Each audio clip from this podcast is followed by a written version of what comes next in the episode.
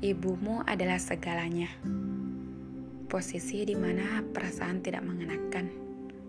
Jika terlalu capek, menangis.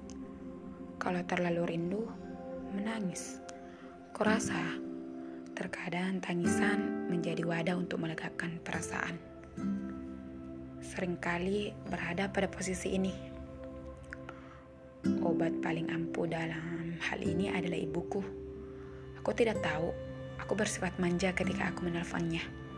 Aku membicarakan apa pun. Aku utarakan segalanya. Ada kenyamanan tersendiri jika segala ceritaku didengarkan oleh ibuku. Sosok ibu benar-benar berperan penting.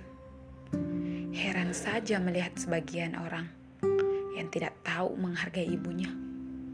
Suka emosi sendiri melihat mereka yang dengan santainya membentak ibunya. Apalagi malu. Malu dengan penampilan ibunya.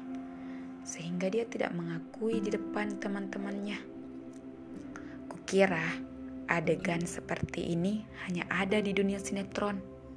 Sekarang tidak lagi. Semua serba terang-terangan. Jika kau punya sahabat yang katamu ada di saat kau butuh, ada di saat kau ingin didengarkan. Andai kau tahu, andai kau menyadari bahwa sosok ibu adalah pendengar yang setia dan pendengar yang sebenarnya. Jangankan teman, sahabat saja bisa menjadi musuh. Tapi tidak kamu ketahui, hati-hati dalam berteman. Seperti kata Ali bin Abi Thalib, Jangan membicarakan sesuatu kepada temanmu karena mereka tidak butuh itu.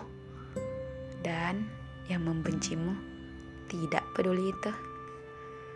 Berbicara tentang ibu, Rasulullah juga pernah mengatakan, "Ibumu, ibumu, ibumu, lalu bapakmu." Itu menandakan sosok ibu sangat berarti.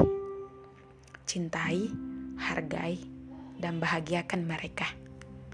Selama mereka masih bersama kita, kalau belum bisa membahagiakan secara materi, setidaknya jangan kau goreskan hatinya dengan tingkah lakumu.